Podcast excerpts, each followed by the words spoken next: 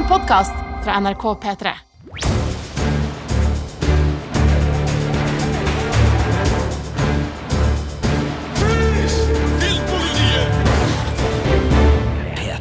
Velkommen til en ny podkast her i Filmpolitiet. I studio i dag eh, Sigurd Vik, hallo, hallo. Hallo, hallo, og Marte Hedenstad, hallo! Hallo, hallo! Og eh, etter hvert så skal vi også si hallo, hallo til Birger Vestmo, som befinner seg på filmfestivalen i Venezia. Eh, Vi skal eh, ringe opp han om en liten stund, men først så skal vi eh, snakke litt om det, de tinga vi har sett eh, den siste uka, Sigurd. Ja, og det her, uten at det var planlagt, har blitt en ren anbefalingspodkast. For Ja. alt vi skal snakke om i denne podkasten, inkludert de filmene som Birger har sett og skal snakke om uh, i, fra filmfestivalen i Venezia, er terningkast uh, fem-filmer og serier. Eh, det skal handle om ny norsk film, som får terningkast fem. Det skal handle om lun amerikansk krimkomedie på Disney Pluss, som får terningkast fem. Eh, og det skal handle om eh, de kule, nye, hotte filmene fra Venezia som kommer utover den norske kinohøsten, eh, som får terningkast fem. Det gjør vi, men vi begynner i Norge, og vi begynner på kino med ingenting å le av. Det er svulst her og her og her og her. Og der, ja. Det er litt som om kreften har fått kreft, dette her. Nei, jeg skal ikke, ikke noe samtalegruppe, Erik. Kasper Berntsen? Ok, henter deg halv ni. Topp. Du er komiker, er du ikke det? Uh, jo. Kan ikke ta en vits? Nei, jeg dropper det, hvis det er greit. Vet du hva som er det verste med å få denne sykdommen? Folk slutter å være morsomme rundt deg. Ikke slutt med det, du, da. Og på slutten der så hørte vi Ylva Bjørkås Tedin sin rollefigur Anja, en tenåring med kreft som er drittlei av at folk rundt henne på en måte bare går inn i den. Å, stakkars deg. Å, vi tør ikke å ha, det noe fint nå som du har kreft. Og det er jo noe av tematikken i Ingenting å le av, som da handler om en standup-komiker som får en alvorlig kreftdiagnose. Det er Odd Magnus Williamson, Williamson aka Odda. Jeg kaller han bare Odda, jeg, for det er litt lettere å si.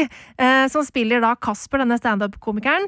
Eh, og Odda har også skrevet manuset på filmen. Dette er hans debut som manusforfatter på en spillefilm.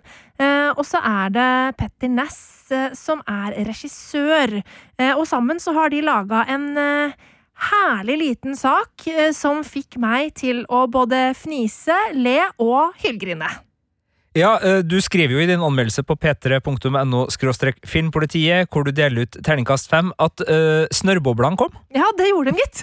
For altså, jeg er jo en veldig lettrørt person. Det at jeg begynner å grine, trenger ikke nødvendigvis å være et kvalitetstegn, fordi jeg begynner å grine av hva som helst. Men når snørrebobla kommer, da er det ekte. Da er det virkelig ekte. Og den er jo også et uh, tegn på uh, noe som er litt sånn uh, en, en kontrastfylt opplevelse, men som kan være veldig fin, hvor du både er uh, rørt og uh, sprutflirer samtidig, for det var det som uh, da muligens skjedde, Ja, Martha. det skjedde flere ganger, eh, fordi denne filmen her eh, klarer jo da å kombinere den derre det som er fælt og jævlig, med det morsomme, med det lune, med det fine. Og på et tidspunkt så sitter jeg og, og hylflirer av eh, altså, incest. Eh, Dere som har hørt mye på Filmpolitiet, vet jo at jeg syns at det er kjempemorsomt og spennende. Ja, en referanse til Game of Thrones-podkasten, hvor Marte Hedenstad en gang famøst sa 'jeg heier på incest', som da hadde med Targaryen-familien å gjøre. Jeg sitter og hylflirer når det vitses om incest fra standup-scenen samtidig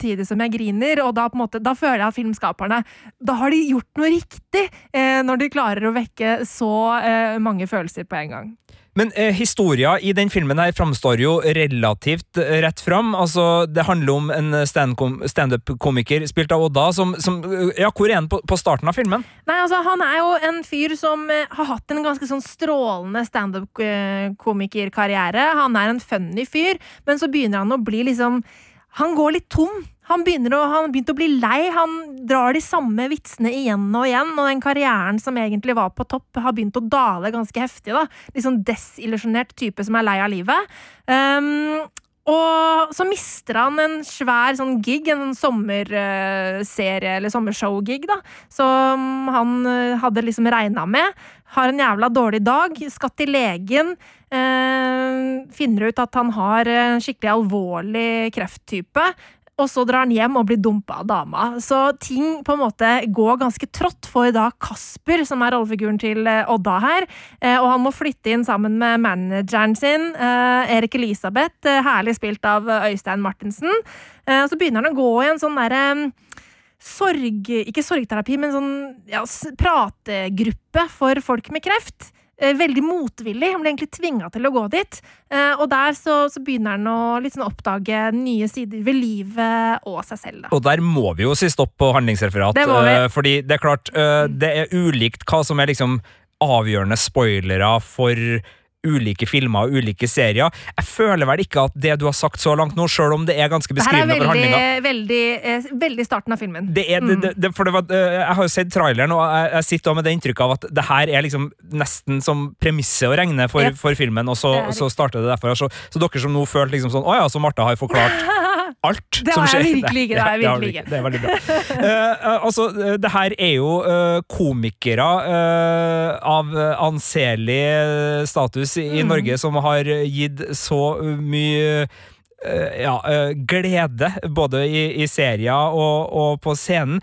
Eh, Hvor kul er eh, komedien her, og er det liksom sånn eh, Sitter du med en følelse av at du får eh, humor du har sett før, eller er det litt sånn nybrottsarbeid også i, i, eh, innimellom? Nei, altså, det å harselere og tøyse med, med mørke ting og, og at livet går trått, det er jo ikke noe nytt. Eh, og jeg, det er kanskje ikke sånn sett eh, at det er noe nybrottsarbeid som gjøres her, men det gjøres på en veldig god og fin måte. Eh, og liksom her er det både funny eh, komikk fra standup-scenen, som jeg sitter og flirer av, og så er det også den derre humoren i det daglige livet. Eh, der hvor ting går til helvete, men så er det også morsomt samtidig. Det å på en måte kunne tøyse med ting som er vanskelig, der er den også veldig god.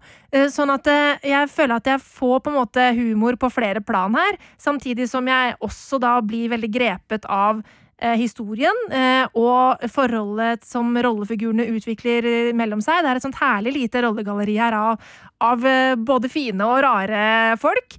Um, og eh, ja, jeg blir liksom ja, veldig grepet av det, og eh, spesielt som jeg trekker frem Sara Korami, som spiller Maria, eh, som er da en dame i denne støttegruppa, eh, som eh, har, er operert for brystkreft, og hun er egentlig litt sånn Hun er dritt lei eh, av folk som liksom kødder med brystkreft, eksempel. Syns det er funny. Hun syns ikke at Kasper er så jævla kul, og er egentlig litt sånn bitter. Hun har litt, på en måte mista litt håp. Og så er hun kanskje litt redd for å tørre å begynne å håpe igjen. Eh, og altså det samspillet de to har sammen, altså Odda eh, og, eh, og Sara Korami, er bare helt nydelig. Både liksom fra den der litt sånn der bitre fiender til at de begynner å kanskje forstå hverandre. Det er veldig mye å spille på der som, som gjør at det virker veldig troverdig og ekte og, og nært. Uh, det er jo uh, veldig tydelig ut fra, fra din reaksjon i hvert fall at, at humoren rundt altså det at man ikke skal slutte å være morsom rundt kreftpasienter, kommer fram Mm. tydelig, og at, og at humoren er god. Men eh, kreft er jo noe som rammer veldig mange, og veldig mange vil jo ha enten opplevd det sjøl, eller hatt det i nær familie, eller hatt det med venner. Sånn, Er det, noe, liksom, er det en film som bør eh, på en måte eh, møtes med litt sånn omhu hvis du har hatt opplevelser i livet ditt som, eh, som på en måte gjør deg litt ekstra sårbar for temaet, eller er det en film som er såpass eh, ja, Det er jo umulig å svare Ja, på generelt, jeg- da. jeg, Eh, eh, jeg kan trekke tilbake spørsmålet, men altså, er det, er, skal man være litt forsiktig her hvis man, hvis man har noen, noen følelser som sitter eh, ferskt i kroppen, og som, som gjør, gjør den litt ekstra Mm, sårbar? Hvis det er ferskt i kroppen eh, Jeg har jo hatt eh, folk i familien som jeg har mista til kreft, jeg også. Eh, og jeg følte ikke at denne på en måte filmen var noe var, eller prøvde å behandle det temaet med noen silkehansker over hodet. Men det er forfriskende. Eh, hvis du er midt oppi et eh, noe sånt noe akkurat nå, så kan det hende at det, ikke er filmen for deg akkurat nå, eller så kanskje det faktisk er det. For kanskje det er deilig å få lov å kunne le av det. Og sånn er det jo ofte i livet, at det, ting går dritt, ting er jævlig, og man kan grine og legge seg ned, men det er faen meg gøy å le litt også. Eh, og, og der så treffer ingenting å le av litt spikeren på hodet, føler jeg. Syns jeg svarte veldig godt, Marte, på et ganske elendig spørsmål fra meg. Eh, Veldig fint. Og ja, det er fint. Men eh, Ingenting å le av har kinopremiere denne helga. Får terningkast fem, og er da en soleklar kinoanbefaling fra, fra Marte. Absolutt, det er bare å komme seg på kino. Filmpolitiet.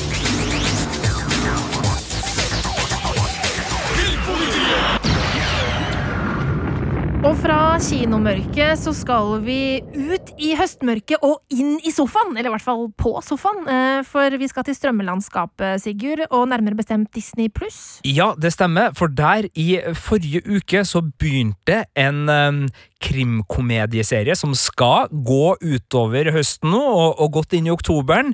Eh, jeg har nå fått sett åtte av ti episoder, og følt derfor at det var på tide med en anmeldelse av Only Murders in the Building. Approximately 12 minutes from now, I will be murdered.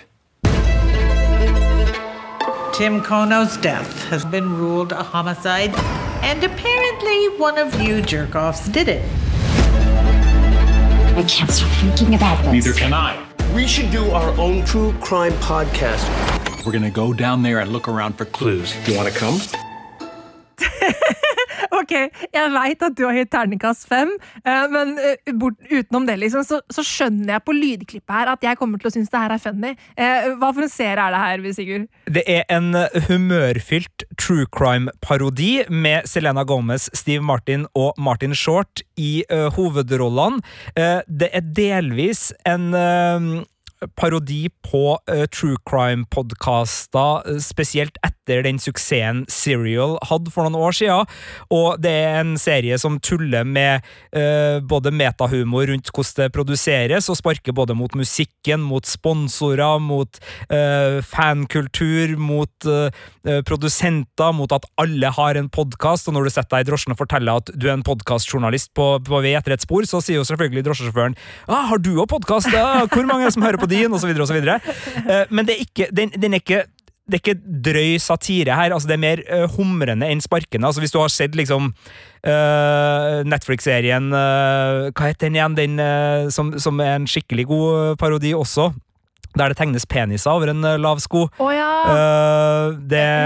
An American Scandal, Det tror jeg den uh, ja. Ja, ja, het. Uh, og så har du jo liksom The Onions A Very Fatal Murder fra 2018, og du har jo også true crime-serier som har liksom tatt tak i problemene rundt både det at amatørdetektiver og podkastjournalister på selvhøytidelig vis liksom skal utfordre politiets metoder, og, og så får du jo også problemet med, med publikum og fan, at man liksom får amatørdetektiver på internett som begynner å etterforske sjøl og lansere teorier. Så, så det har jo vært ganske mye sånn krit kritiske blikk på, på podkast og, og true crime. Det her er mer en sånn litt sånn snill variant av det. Samtidig, da, og det er jo her serien er, er så god, fordi den har en god øh, krim i bunn. Altså, det, Ja. det er en krimkomedie som fjaser, men det, den fjaser ikke bort det underliggende greia, så, så man blir faktisk nysgjerrig på hvem har drept uh, Tim, som vi da hørte i, i starten av lydklippet som sier at han skal bli, bli drept om uh, ca. tolv minutter. Uh, Selena Gomez er overraskende god i samspill med humorveteranene uh, Martin Short og Steve Martin. De har jo spilt uh, sammen, blant annet da, i, i Three Amigos, en 80-tallsslager, og er jo to uh, virkelig ringrever fra Hollywoods komifabrikk. Og, og de kanaliserer litt den der gamle, elegante Hollywood-parodien som man kan kjenne igjen fra Mel Brooks-filmer som Spaceballs. Man kan kjenne igjen det litt sånn i, i fra, fra liksom eh, litt sånn Mann med en nakne pistol og Top Secret. Altså Mm. de her parodifilmene som også var det de parodierte. Eh, altså, det var eh, interessant også å følge manuset, ikke bare for å flire av uh, humoren. Det, var- Ja. det var liksom noe mer der. Og jeg syns liksom de klarer å, å presentere det. Det er blant annet en scene hvor vi blir introdusert for musikeren Steve Martin, som er sånn der helt sånn Altså, den er ikke like god som Top Secret var på sitt aller beste, men Top Secret har jo eh, ikke der, det er en sånn scene med, med telefonen, Jo. hvor du liksom du, Det er filma sånn at du forventer at telefonrøret skal være lite, men så er det et gigantisk telefonrør, for de er avslører The General. Kanskje, jeg, jeg husker ikke, Ja, altså, ja. det, er i det er en del uh, sånn gammel, klassisk uh, parodihumor, Ja, ja, ja. hvor uh, Hollywood tuller med seg sjøl, og her tuller, tulles det på, på ypperlig vis. Den har det. Samtidig så er Selena Gomez da en helt nydelig kontrast til det her, for hun kan på en måte avkle det litt, grann, og være den skeptiske. Og, og, og hun liksom Uten at hun punkterer det litt sånn gammelmodige, så, så gir hun det en ny dimensjon da med å være med. Og hun har en helt utsøkt timing, syns jeg, i, i samspillet mellom uh, de tre. Og, og de tre får en veldig sånn fin, sjarmerende kjemi, som et sånn veldig sånn odd couple-trio-greia på jakt da etter den her skurken. Og så er det jo selvfølgelig det at de egentlig, vel så mye som å finne ut hvem morderen er, er opptatt av at podkasten deres skal bli en suksess. Uh, som de, og de bor jo i den her bygningen, så, så, så de øh, har jo liksom ganske unik tilgang. Så det her var en skravlete uh, versjon av uh, hva som er bra med Only Murders in the Building, men det er veldig mye som er bra der. Det er en lun, koselig og veldig sånn pen Manhattan-serie. Foregår i et helt nydelig bygg som er, jeg tror består av en fasade som faktisk eksisterer, og så er liksom leilighetene spilt inn i et eh, varelager i, i Bronx. Men, men du får liksom skikkelig sånn feelingen på bygningen etter hvert. At du, det er liksom en sånn gammel, ærverdig murbygg med borggård og hage inni, øh, og luksusleiligheter med hemmelige rom og hemmeligheter, ah, og det er liksom mahogni, og det er lekkert, og det er altfor dyrt for oss, men det er veldig fint å være der. Men det er veldig gøy du sier, Sigurd. Og så er det morsomt det der med at det, altså Selena Gomez går godt sammen med de to eldre kara. Fordi jeg må innrømme at jeg har ikke sett serien enda, jeg gleder meg veldig til å se den. Men jeg stussa på traileren, for jeg var litt sånn derre Hvem er denne serien her egentlig laga for? Eh, men den er altså kanskje litt sånn generasjonsbyggende, eller?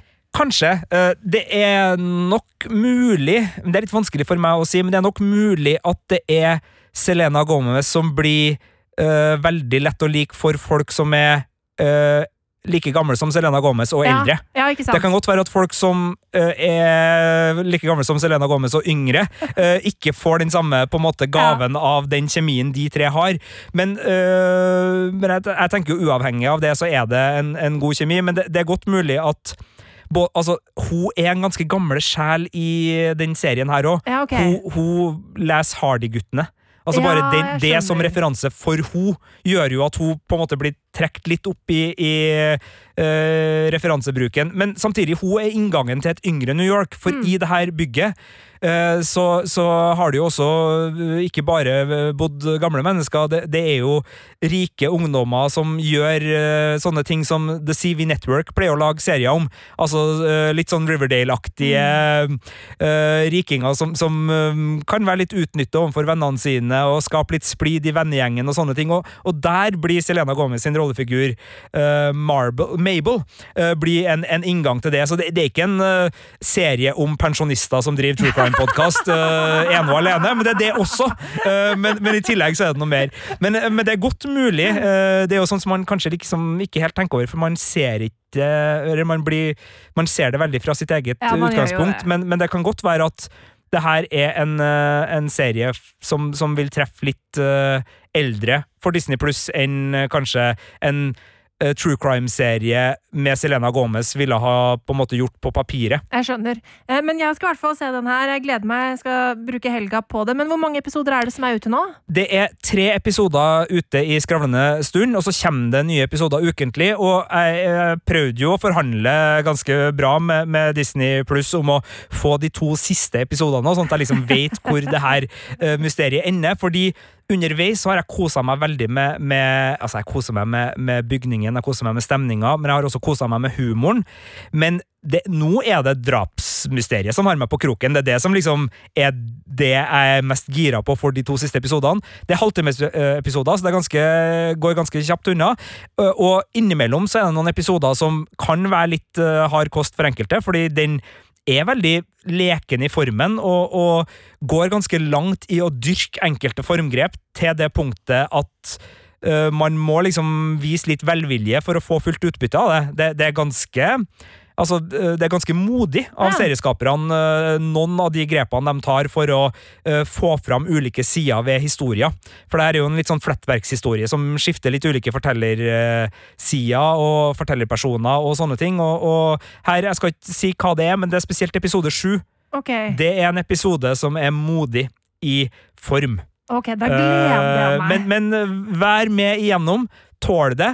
Og eh, Tina Fey dukker opp. Sting dukker opp. Eh, det, det, det er et eh, rikt birollegalleri her som er ganske fiffig. Og det er, det er god stemning. Det er veldig god stemning. Det hadde fint gått an å gi den her litt lavere på terningen, fordi det er ikke liksom den saftigste satiren, og det er ikke den drøyeste true crime, eh, eller altså krimmen, men, men samla sett så blir det her en, en eh, liten juvel, syns jeg, så jeg, jeg kosa meg veldig med den. Filmpolitiet. På P3. Og med det så setter vi over til Venezia, der vår overkonstabel Birger Vestmo befinner seg på filmfestival.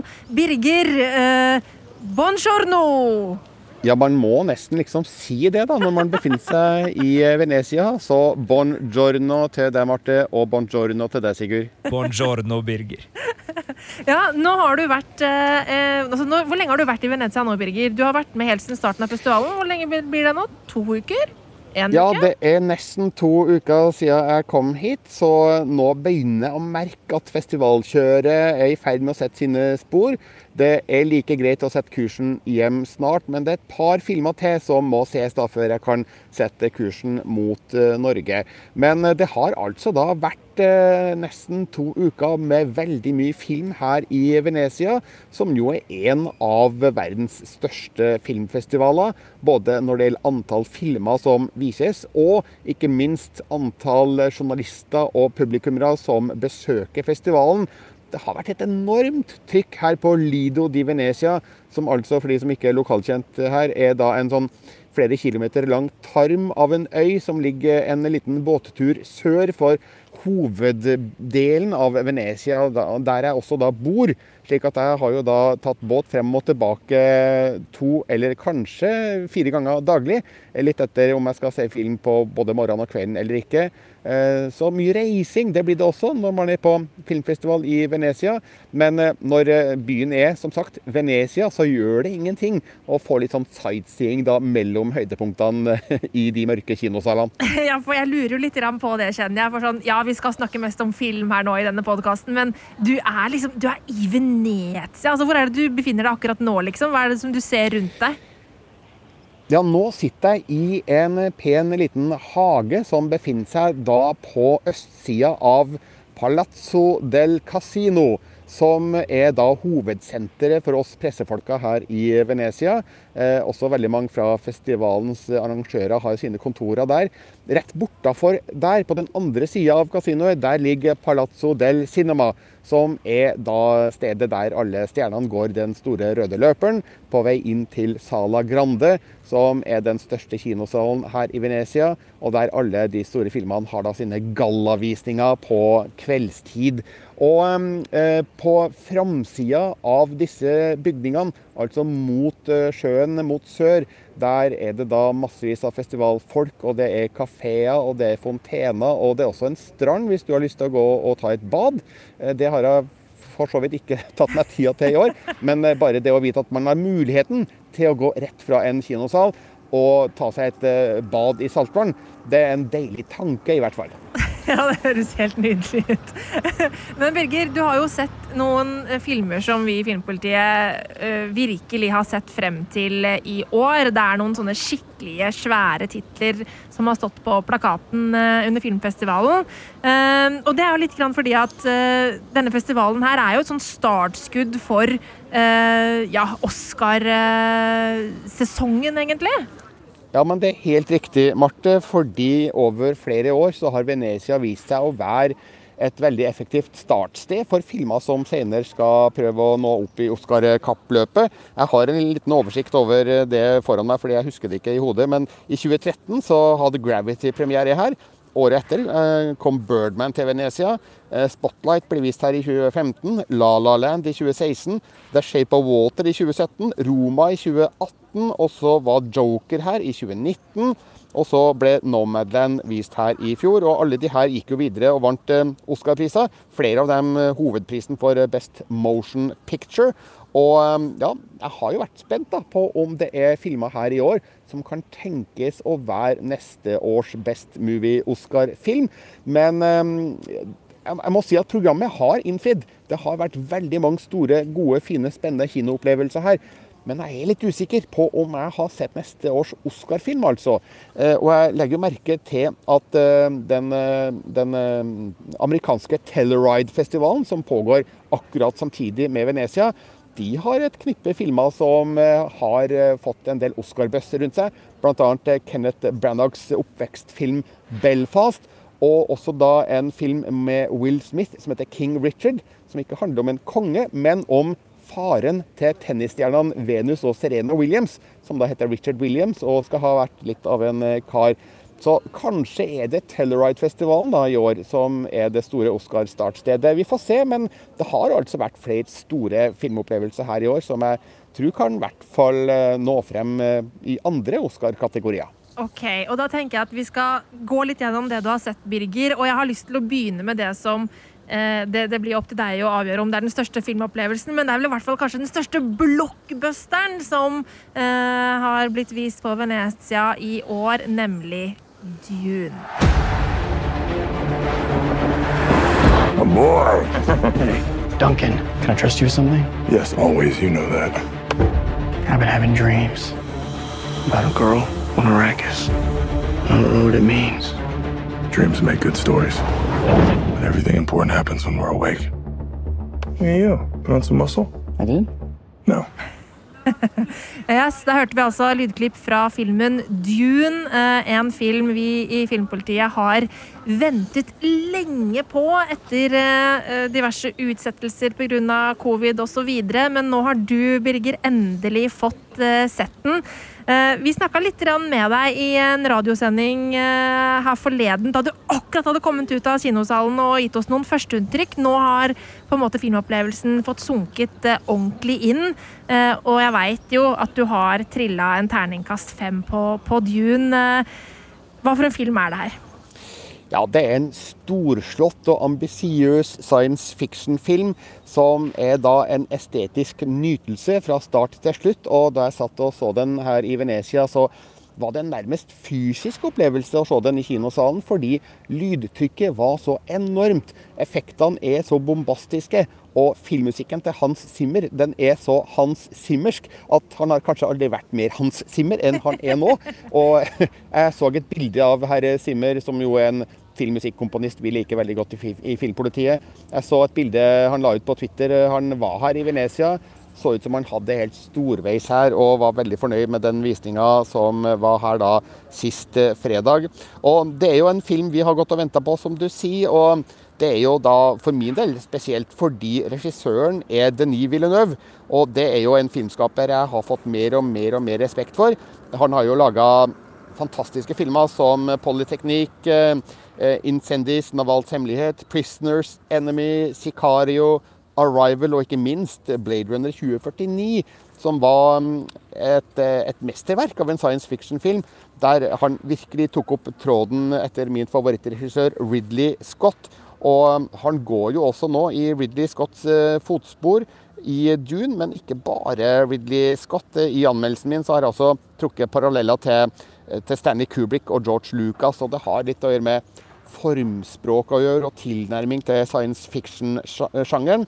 Eh, mange vil jo vite at Dune er basert på en roman fra 1965, skrevet av Frank Herbert, som eh, flere har forsøkt å, gjorde, å, å lage film av tidligere. Eh, eh, Alejandro Jodorowsky er en eh, filmskaper som forsøkte å få i stand en filmatisering på midten av 70-tallet. Han mislyktes med det. og dem som vil vite mer om akkurat det prosjektet, kan se en dokumentarfilm som kom i 2013, mener jeg, som heter 'Jodorowskis Dune. Eller var det kanskje 2017? Husker ikke helt det der nå. Eh, Og så greide jo David Lynch å lage en filmversjon i 1984 med Kyan MacLachlan i hovedrollen.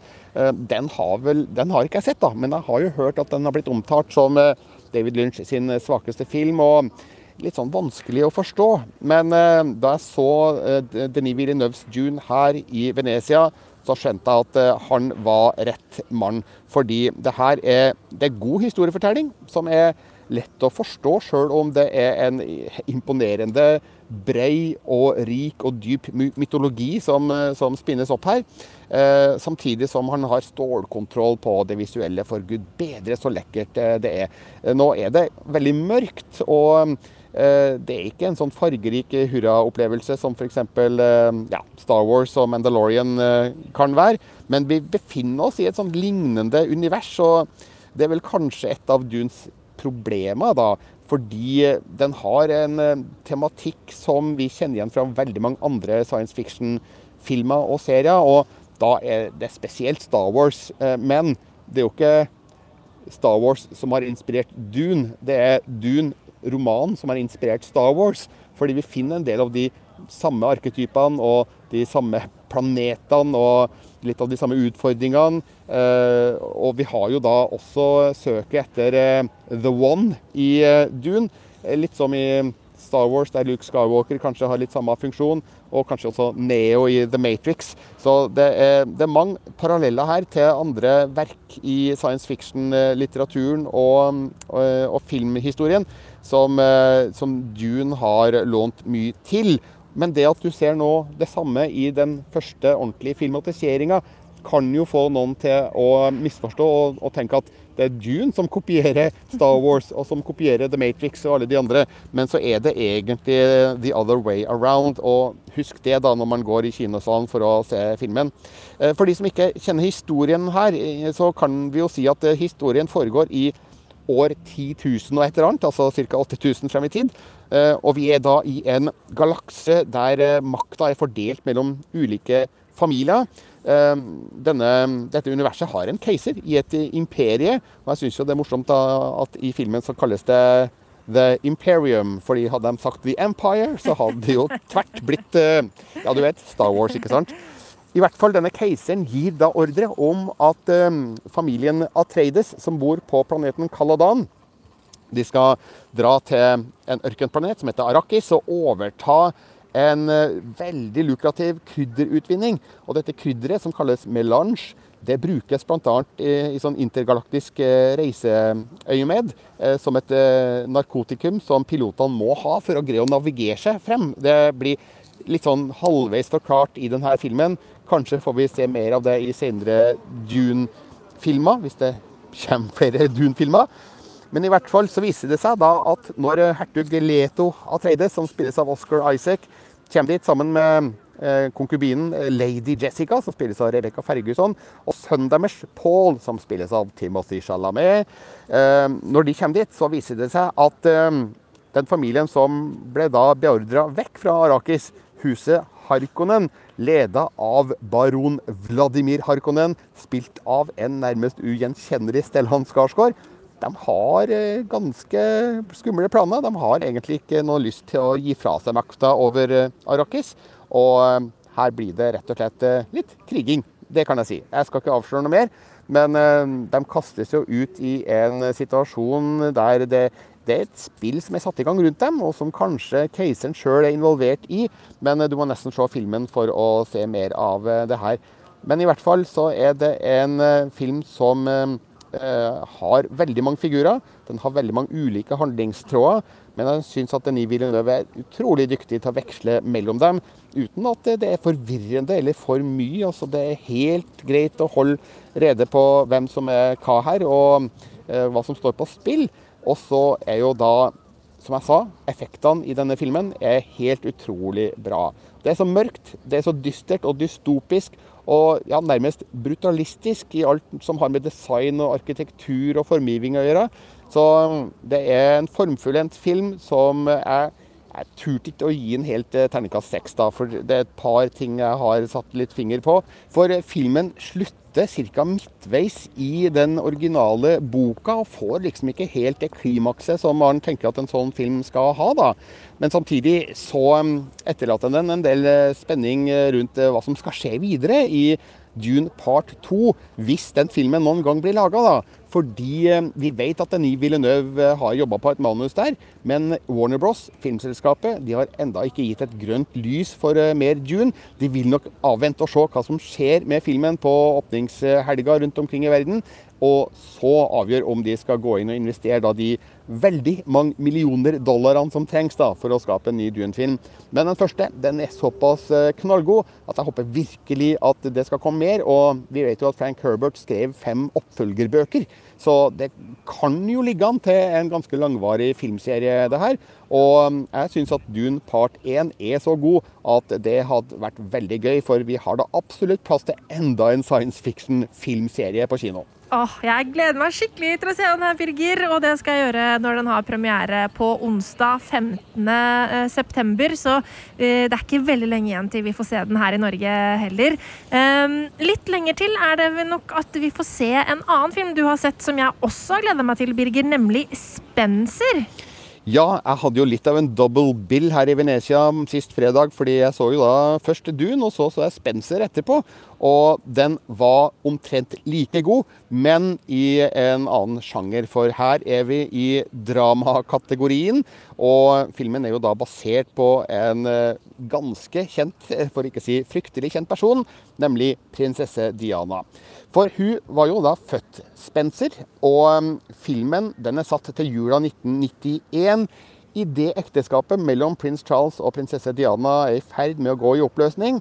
Og eh, nå har eh, vi ikke helt direkte kjennskap til hva som foregikk bak kulissene der, kanskje. Men regissøren bak filmen, Pablo Larain, han har jo da putta på en tekstplakat i starten eh, som sier eh, at det her er en fabel om en sann tragedie. Så han har dikta seg rundt det som kanskje foregikk på Sandringham gods jula 1991. Og det er jo det samme som serien The Crown gjør, ikke sant? De tar tak i enkelte kjente fakta og så spinner de en historie rundt det.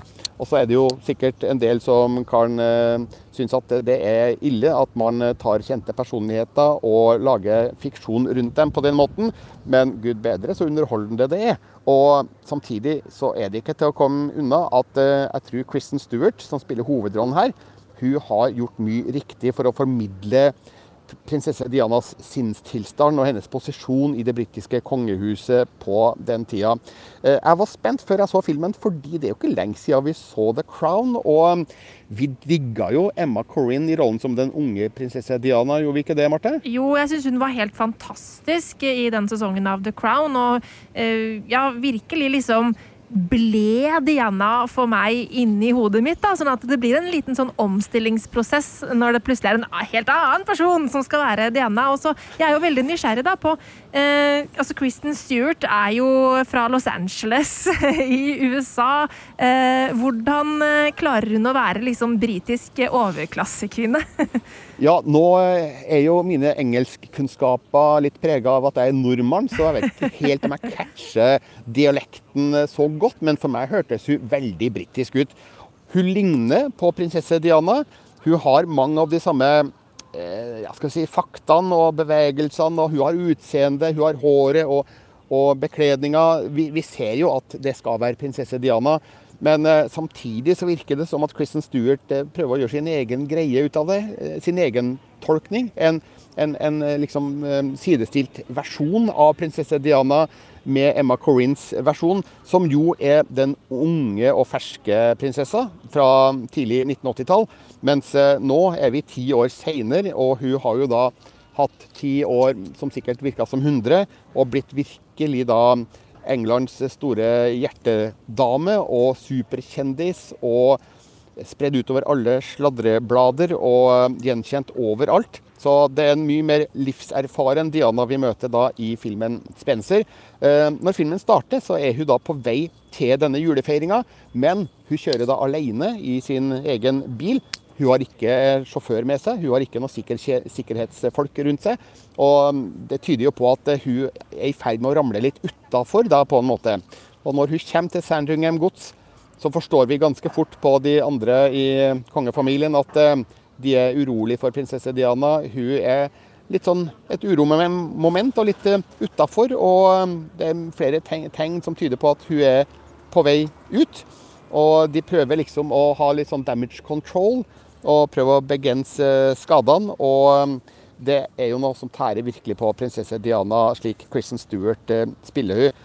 Og det er jo flere vi møter på i denne eh, filmen, eh, i et rollegalleri som ja, inkluderer de kjente kongehusmedlemmene. Men vi møter også Timothy Spall som en adjutant som heter Major Gregory. Sally Hawkins spiller en påklederske som heter Maggie. Og Sean Harris har en rolle som eh, sjefskokken på Sandringham, Darren. Og nå vet ikke jeg om det her er basert på virkelige personer, eller om de er oppdikta figurer. Men eh, de er nok representanter for eh, den litt mer folkelige delen av eh, kongehusets arbeidere, som har åpenbart en kjærlighet til prinsesse Diana, omtanke for hun og forståelse for den eh, posisjonen hun har eh, havna i. Samtidig som de jo er lojale mot kongefamilien og prøve å hjelpe prinsesse Diana inn på riktig spor. Så det her er et veldig godt eh, spilt drama. Det er nydelig filma, men det er gjort på en litt mer sånn, skal vi si, nat naturalistisk måte. Jeg vet ikke om det er helt riktig ord å bruke, da, men på en måte som gjør at den skiller seg fra, fra The Crown. Det er et litt annet univers, det her, men samtidig veldig gjenkjennelig. Så alle som er opptatt av det britiske kongehuset, og som elsker The Crown, de må selvfølgelig også se Spencer når den får norgespremiere mot jul, tror jeg den skal komme. Og det ble en femmer til den også. Herlighet. Det er mye bra film du har sett, Birger. Eh, og vi skal over til eh, en annen film som jeg tror du også har gitt eh, Eh, terningkast fem, hvis jeg ikke tar helt feil. Det er ganske mye femmere på terningen her nå. Nei, det er riktig. Femmerne har flydd her i Venezia. Jeg har mista oversikten over de andre øynene på terningen. Det, det er femmere overalt. Ja, det er helt nydelig. La oss høre litt lyd fra Last Night in Soho.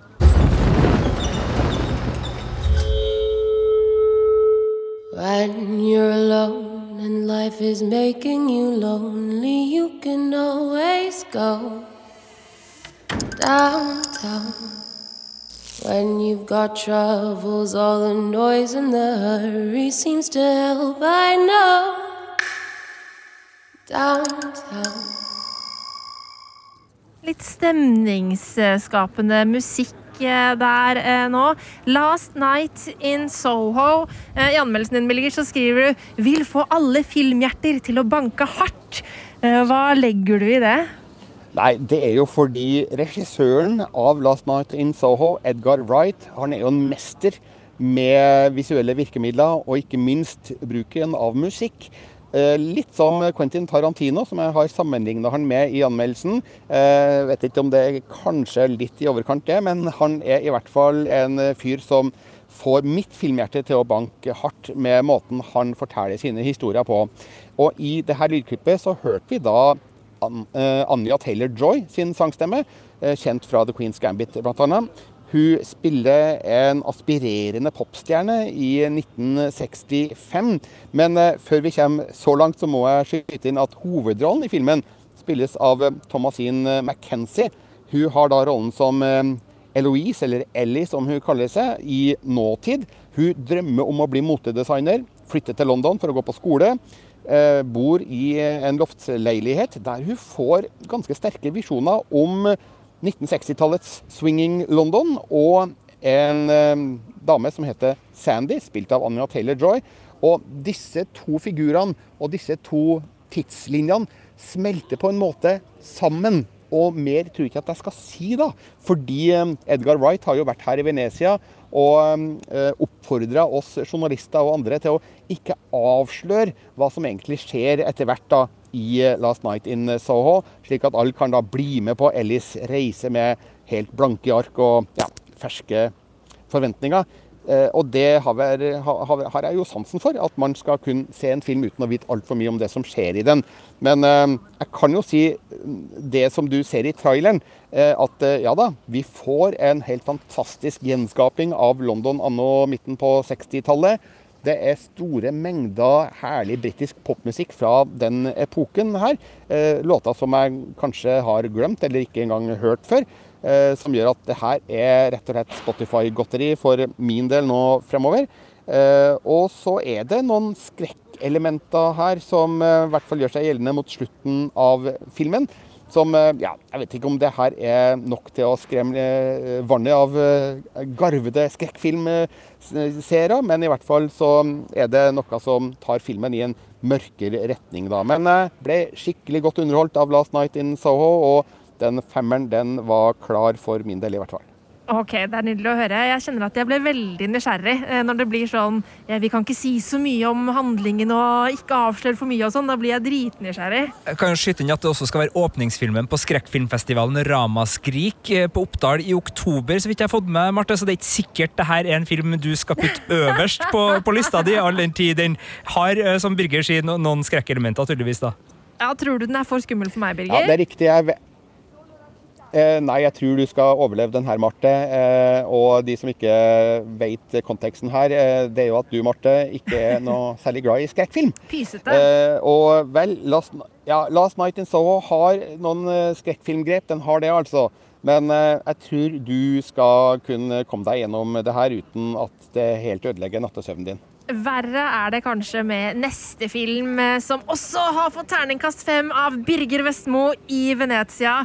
Halloween Kills.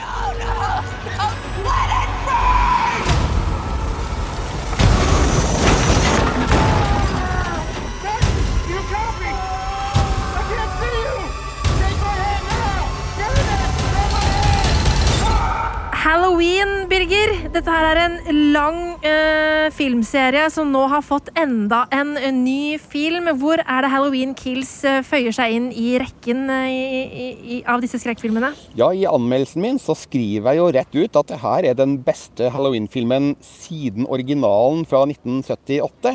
Så det vil vel bety en hederlig andreplass, da. Og eh, det til tross for at da jeg så filmen, så skjønte jeg at eh, ja, her kommer meningene til å bli delte. Og det har de også vært. Eh, for de som kjenner til nettstedet Rotten Tomatoes, som eh, samler inn eh, engelskspråklige filmanmeldelser og lager en sånn tomato rating basert på om de er positive eller negative. Der er den i snakkende stund på eh, 50% og det er jo ikke spesielt høyt. Men jeg har da gitt terningkast fem til Halloween Kills, og det gjør jeg fordi at det her er en utrolig vellaga slasherfilm av den gode, gamle sorten. Den prøver ikke å eh, ja, eh, finne opp eh, sjangeren på nytt igjen, eller å prøve å, å, å legge inn nye perspektiver, eller eh, ja, eh, ha nye morsomme grep som eh, gjør at den blir noe mer enn en gammeldags eh, slasherfilm. Jeg syns at det er veldig prisverdig at eh, regissør David Gordon Green holder seg til oppskrifta. Eh, han kopierer jo på mange måter John Carpenters univers fra 1978-filmen.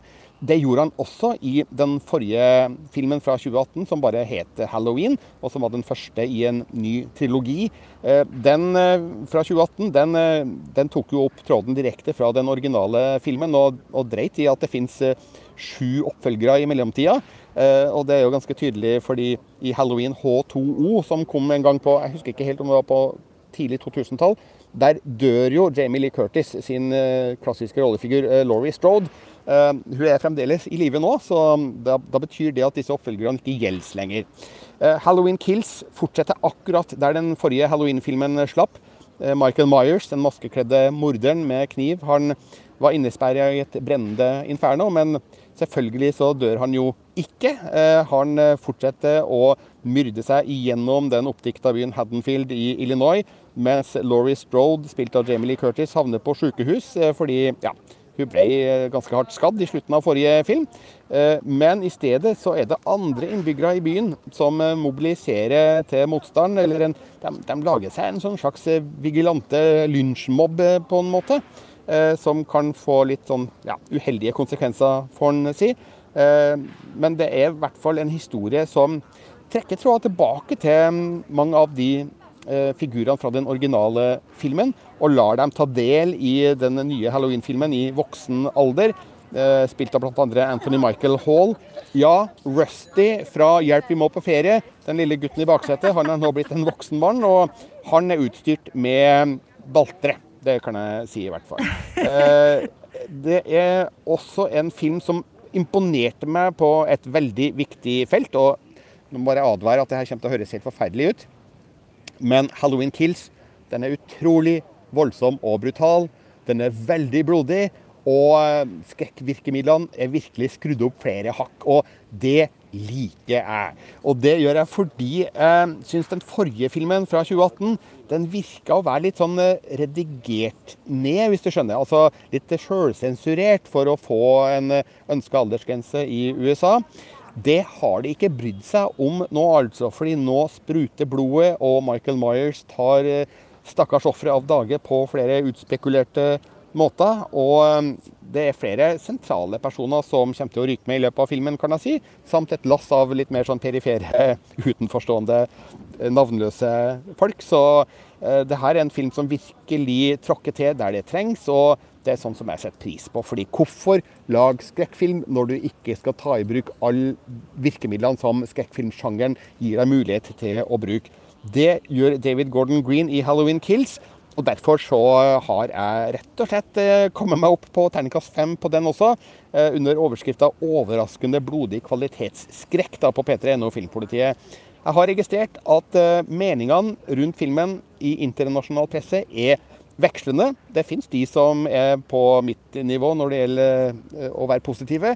Men du har også de som har slakta filmen og syns at det her er bare mer av det samme. Og eh, humørløst eh, blodfest. Eh, eller ja, jeg vet ikke om blodfest er riktig ord her, men i hvert fall så har de vært sterkt negative da, til måten eh, David Gordon Green har laga den nye Halloween-filmen på. Men de tar feil. Jeg har rett. og, den filmen her rekker altså å komme til Norge innen halloween. Eh, så da er det vel å bare komme seg på kino, da, ifølge deg, Birger. Det er helt korrekt. 15.10 er slippdato for Halloween Kills og ja, det er jo i god tid før halloween, så da kan folk bare gå på kino og la seg inspirere. la seg inspirere, ja. Ja, Men det er flott. Uh, Birger, eh, det er jo et stjernespekka uh, på en måte sted du befinner deg på, og det er mange skuespillere som går opp og ned på røde løpere. Vi har allerede snakka om Dune, der Oscar Isaac har en rolle, men han har også en annen film som han er med i i, eh, på Venezia-programmet. Eh, The Card Counter, hva for en film er det? Det er et drama i regi av veteranen Paul Schrader. Han er jo kjent bl.a. for sin forrige film 'First Reformed', men mest kjent kanskje for en del manus han skrev på 70-tallet for Martin Scorsese, nemlig 'Taxi Driver' og 'Raging Bull'. Så det her er virkelig et stort navn i amerikansk filmhistorie. Han er jo nå langt opp i 70-åra, men han er virkelig på en sånn slags karrieretopp som regissør. da. Eh, 'First Reformed' med Ethan Hawke den var jo fantastisk i 2017. 'The Card Counter' er nesten like god. Her spiller da Oscar Isaac en um, omreisende gambler. Han drar fra kasino til kasino i USA. Uh, vi uh, får jo da høre at han har sittet i fengsel og lært seg å telle kort i blackjack. Og det er en egenskap som kommer godt med når du sitter her på et kasino og skal prøve å gamble. Det er ikke helt sånn stuereint blant uh, de som jobber på kasinoene. De, altså huset, da, som det heter. De liker ikke at spillere teller kort. Men han har da en sånn fin strategi han vinner bare litt, og så avslutter han. Og det før liksom kasinovaktene begynner å fatte interesse for hva han egentlig driver på med. Men eh, så møter han da på en ung gutt på um, et eh, kasino, eller dvs. Si på et konferansesenter ved siden av, eh, der en, en, en, mann som ligner mistenkelig mye på William Dafoe, ja, for det er han, holder et foredrag. Det viser seg at den unggutten, Kirk, spilt av Ty Sheridan, og eh, William Tell, som Oscar Isaac eh, sin rollefigur heter, de har et, eh, en slags felles tilknytning til denne foredragsholderen John Gordo. Og unggutten Kirk han er ute etter hevn. Og for hva, det skal de som ser filmen få lov til å oppdage sjøl. Men i hvert fall så mm, tar da Oscar Isaacs figur denne unggutten under sin vinge. Tar han med på disse kasinoturene og prøver å lære han noen bransjetics. Eh, og så får han da et tilbud fra en eh, sånn gambling-manager, La Linda, spilt av Tiffany Haddish, som eh, ja, på en måte tvinger William Tell til å gå ut av sin anonyme kasinotilværelse og bli litt mer synlig, og det kan også være risikabelt. Det her er da et skikkelig stramt drama der Oscar Isaac gjør en fantastisk god rolle. Og det er ikke det at han spiller veldig mye, han spiller veldig lite. Han, han prøver å holde seg tilbake og være måteholden. For hver gang vi ser at eh, historien gir William Tell en eller annen mulighet til å komme med en eller annen emosjonell reaksjon, så trekker han seg tilbake og spiller det ned. Og det er en veldig god prestasjon av Oscar Isaac, som jeg tror kommer til å bli Oscar-nominert eh, for den. Og du skal ikke se bort ifra at også filmen i seg sjøl blir nominert, både for manus og regi. Kanskje til og med for beste film. For eh, den her, altså historiens tematikk, den, den tar for seg skal vi kalle det USAs dårlige samvittighet. Eh, og det handler om noe militært, det kan jeg si. Nå prøver jeg å være litt vag her, sånn at de som skal se filmen etter hvert kan få oppdage det sjøl. Eh, nå har jeg ikke plukka opp noe eh, norsk premieredato enda, men eh, jo, det har jeg. 5.11.2021. Da har den premiere, faktisk. Så det her er et av høydepunktene fra årets eh, filmfestival i Venezia. og den har egentlig blitt litt bedre etter hvert som den har fått kverna litt rundt i hodet mitt. Jeg anmeldte den et par dager etter jeg så den, og eh, jeg har bare likt den bedre og bedre. Og den står frem som et av høydepunktene under årets festival, faktisk. Åh, det var utrolig spennende. Jeg digger sånne filmer som på en måte blir i hjernen og vokser og gror eh, jo mer man tenker på dem. Eh, jeg gleder meg til å se The Card Counter i november, altså. Eh, Birger, eh, du Skal du se noe mer film nå, eller? eller er det slutt på filmfestivalen i Venezia enn så lenge? Det er ikke helt slutt, fordi den store rosinen i pølsa den vises kanskje her i morgen, altså fredagsmorgen. Eh, og det er Ridley Scotts nye film, 'The Last Duel', med litt av et stjernelag på plakaten.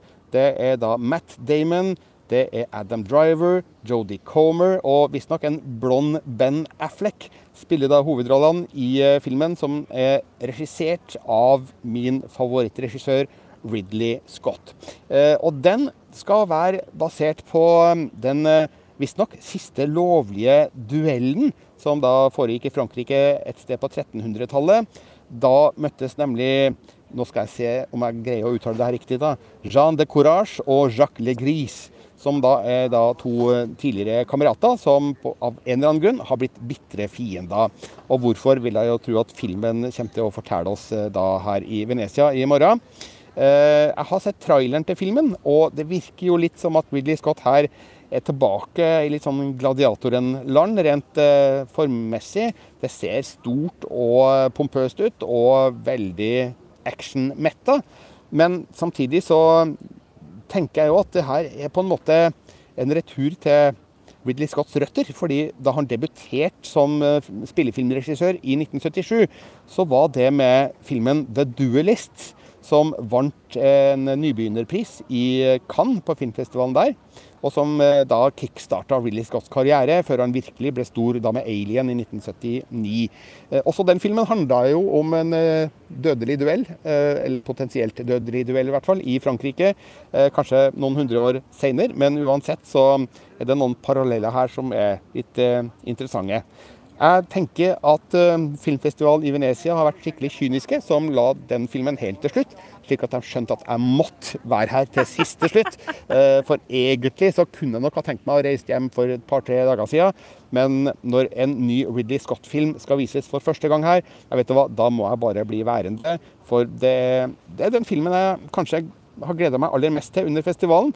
Sjøl om jeg har vel også en ja, liten hunch om at det ikke nødvendigvis trenger å være den beste filmen som blir vist her. Eh, Ridley Scott han er fremdeles en veldig dyktig regissør, men han har levert litt sånn vekslende kvalitet de siste åra. Så jeg har fremdeles eh, en eh, ja, jeg skal se filmen først, og så tenker jeg at jeg skal konkludere med hvor god hans siste film er. Men med den rollelista, med den tematikken og den tidsepoken han skildrer, så ligger det an til en eh, veldig underholdende og storslagen Ridley Scott-film her i Venezia. Så man får bare følge med på P3NO Filmpolitiet i helga, så skal fasiten min komme der.